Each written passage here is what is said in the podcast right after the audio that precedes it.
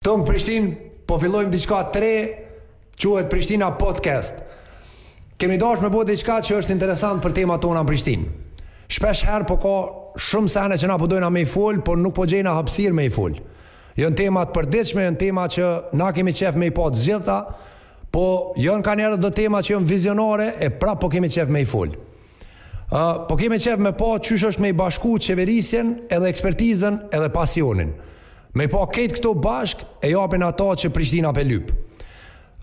Sot kemi fillu një podcast me folë për bike Friendly City, domethonë një qytet miqësor për bicikleta, edhe këtu në podcast me veti i kam dy persona, një me veti në studio, Arlindin i cili është i pasionum pas bicikletave ndërmarrës, edhe besoj që ka me na tregu qysh është me qenë biciklist i pasionum, po jo me pas hapësirë sa t'vyn n' Prishtin.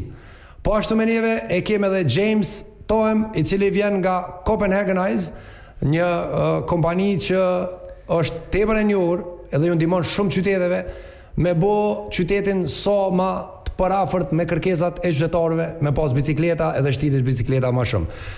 Uh, we're gonna start with you, James. Thanks for being with us.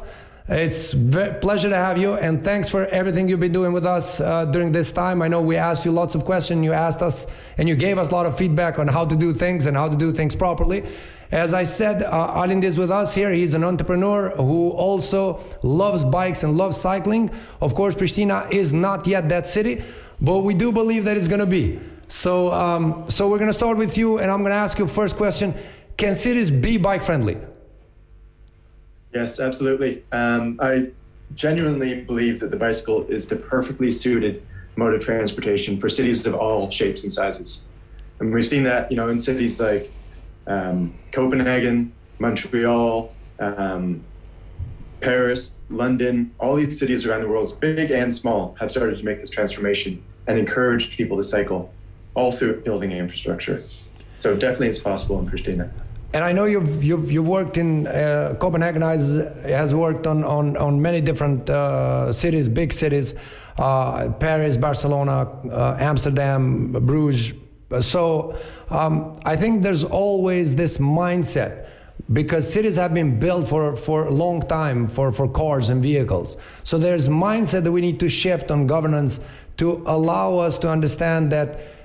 hey, uh, we need more space for bikes too. And, and how does that prove? Is it is it always easy to move from a very vehicle centric to a bike centric, or uh, what do you see as the main challenges?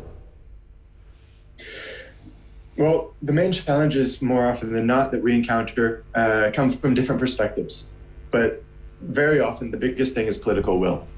We need politicians that are actually committing to this, to making a city more bicycle friendly.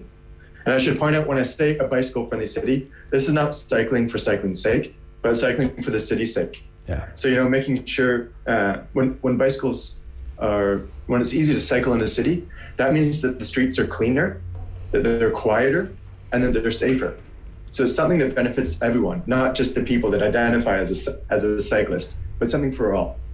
Yeah, and and and I'm gonna I'm gonna jump to uh, Arlene, but just to say when it talks to political will, uh, that's exactly what we're trying to do. I mean, we've had plans in Pristina that we're going to uh, maximum uh, uh, bike lanes could be 60 kilometers, uh, but then we moved with, with my team and with everybody around, and uh, we, we looked at the maps and we looked at what Pristina can offer, and we saw that we can actually expand that to 100 kilometers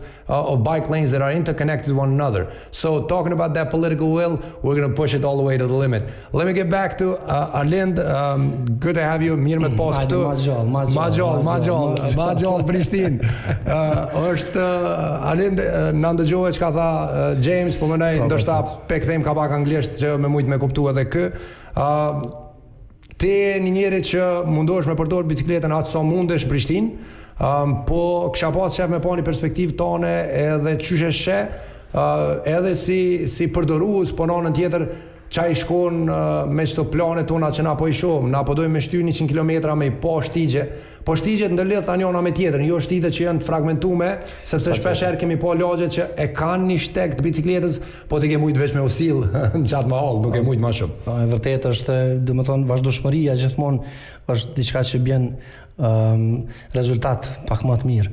Uh, një shteg i bicikletave ku fillon prej pikës A deri në pikën B, ajo veç nuk është mo uh, nuk je tu udhëtu, je tu, nëse mundesh me thonë, tu bo sport.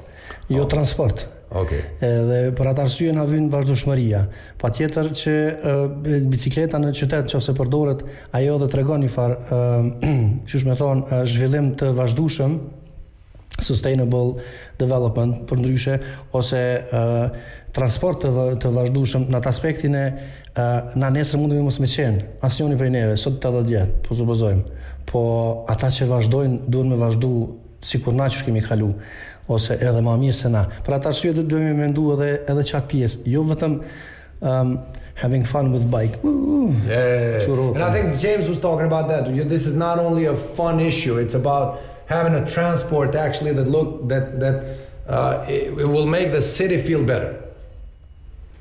Exactly. Yeah, of course, uh, not not just the city, but um, also you'll feel healthier. I think, right?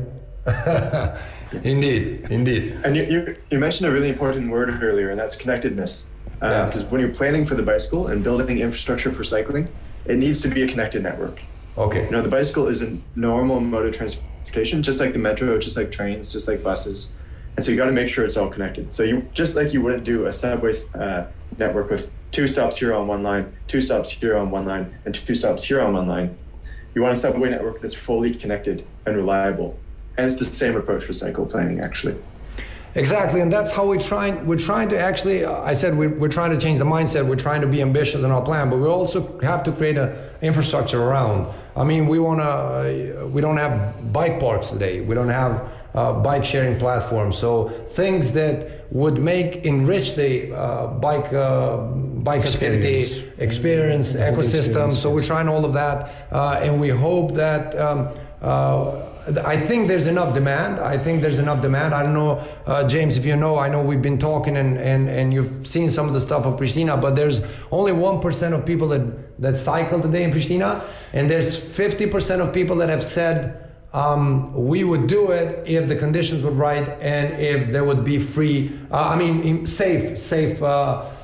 uh, bike lanes. How do you find that that having 1% and having 50% um, people that are willing to do it?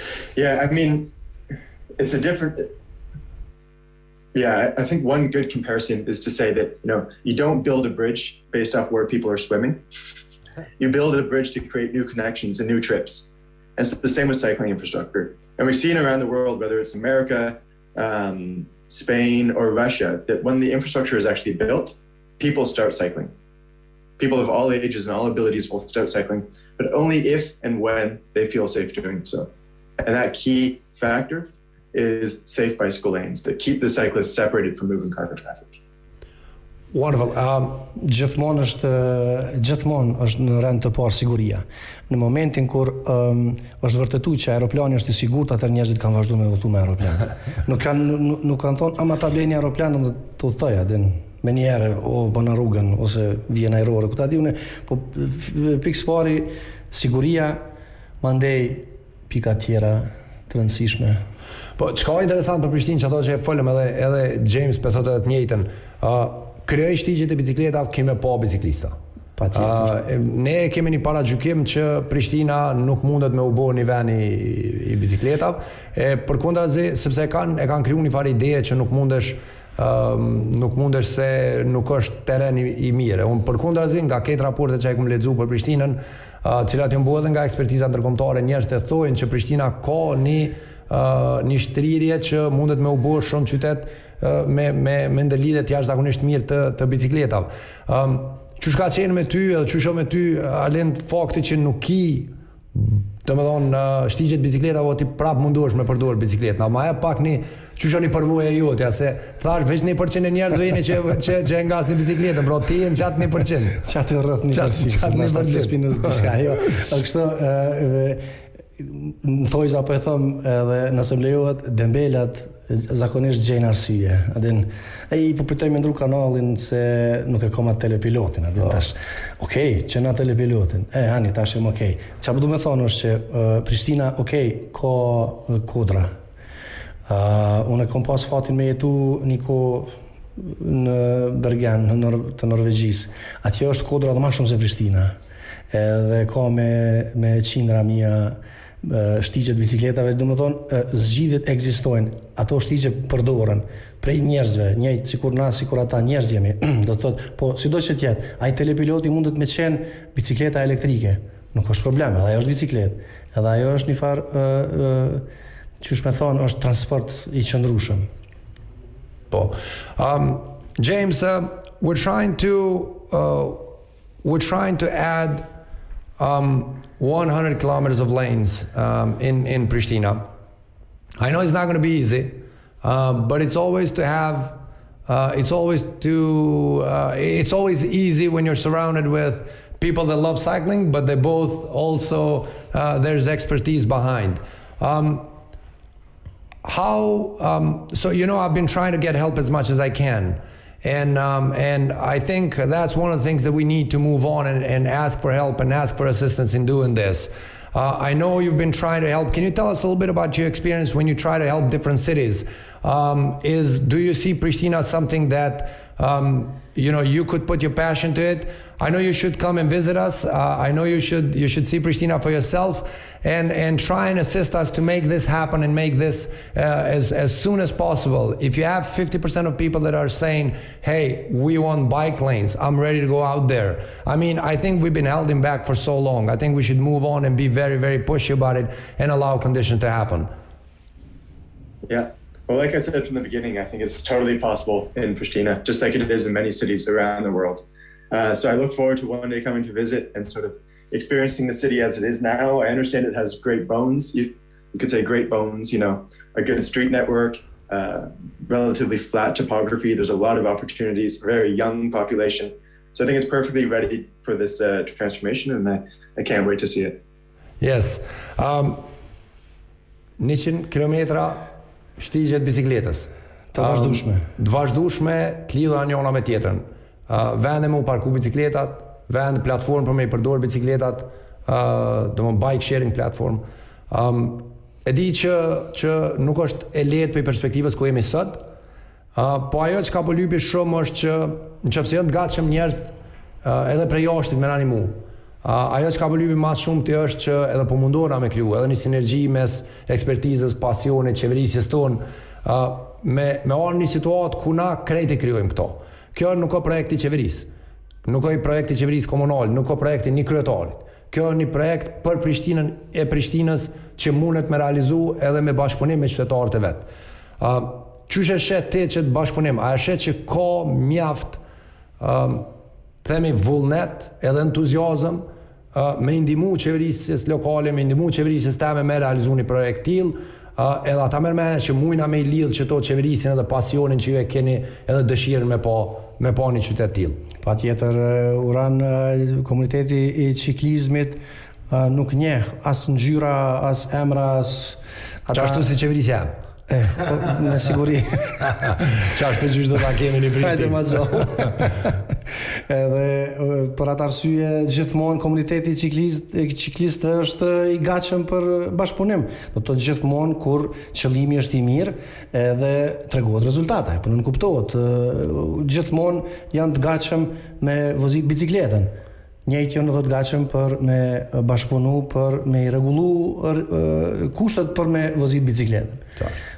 Kjo është kjo është kërkesa e tyre fundamentale, siguria në rrugë, respektimi i dyanshëm i gjithë pjesëmarrësve në trafik. Do të thotë nuk duhet me pas parasysh të gjithë që nuk niveli i respektit nuk fitohet në trafik në bazë të motorit ose kerrit që e vozit ti. Qartë. Sa ma i madhe aq ma shumë respekt, jo, jemi njerëz, ti njeri, unë njeri, po ti e Qartë, s'ka lidhe pse je me biciklet, vlera nuk, nuk përcaktohet prej asaj çka vozit. Do të thotë respekti, respekti i dyanshëm, respekti i ndërthurt, është i, pano, i, i tepër i nevojshëm është.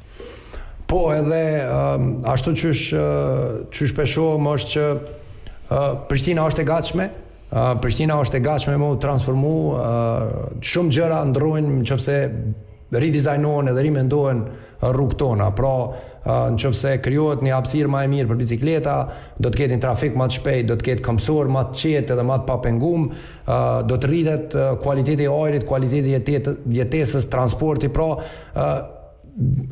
bicikleta ti mendon që është një një një domethon intervenim i vogël, po zinxhirin, efektin që e ka në këtë zinxhirin e qytetit është jashtëzakonisht i madh. Dhe unë po mendoj që për këtë arsye na duhet me kuptu që kjo temë shumë me rëndësi, nuk o me rëndësi për vetëm për biciklistat, po është me rëndësi për ato çka i ofron qytetit.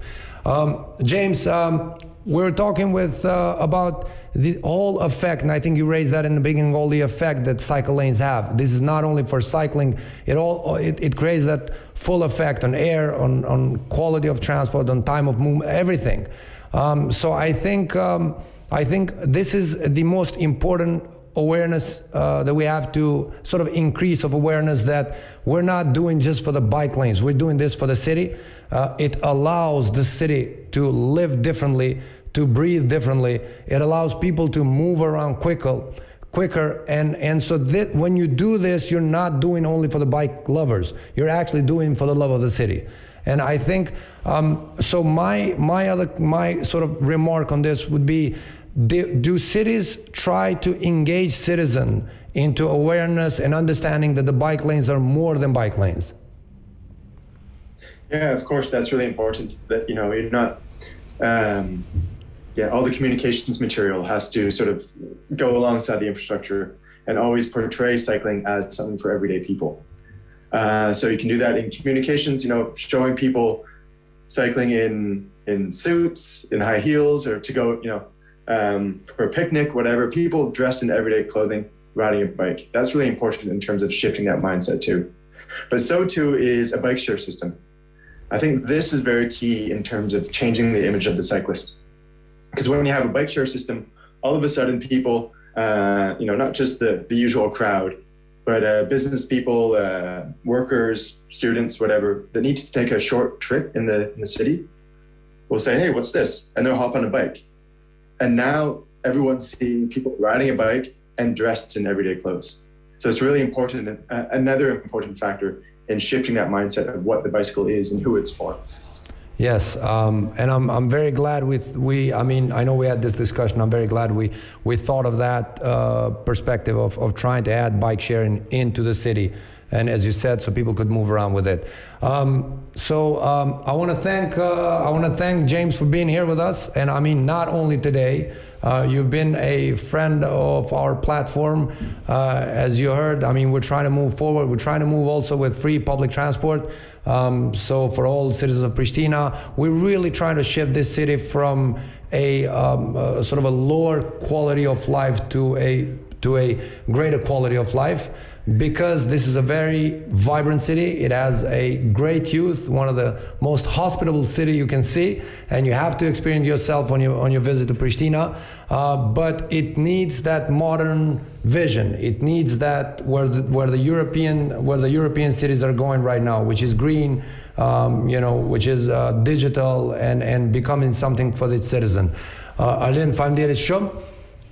Vazhdo me biciklet edhe pak, qështu qysh munesh, uh, veç se kur të fillojmë me realizimin e shtigjeve për biciklet, uh, tash sot je këtu, po besoj shumë shumë tjerë që kanë me na ndëgju. I bëj thirrje që të na bashkangjiten, jo për hir të një individi, po për hir të asaj që jemi duke tentu me kriju për qytetin. Qyteti është jashtëzakonshëm, ti vetë e din, Prishtina nuk ka si ky qytet, kushdo që vjen thotë që nuk ke mujt me kalu më mirë, s'kisha mujt me kalu më mirë, po është e rëndësishme me pas edhe infrastrukturën edhe ndjenjën Prishtinë kah të lëvizsh me pas një që shikon njerëzit. Faleminderit, a ki diçka për fund? Patjetër, Prishtina është shtëpia e gjithë e gjithë banorëve të Kosovës. Unë jam i Pejës, kam le e m'rrit në Pejë, po sot jetoj në Prishtinë. Edhe përmes Prishtinës po mundona me i kontribu gjithë Kosovës. Dmth, me fjalë tjera, siç e thash, Prishtina është shtëpia e gjithve, për atë arsye duhemi me punu të gjithë, se është, është shtëpia jonë, është e jona, është edhe për atë arsye, hajde të punojmë për të mirën e përbashkët. Qashtë, qashtë. James, thanks a lot. Any last remarks from your side?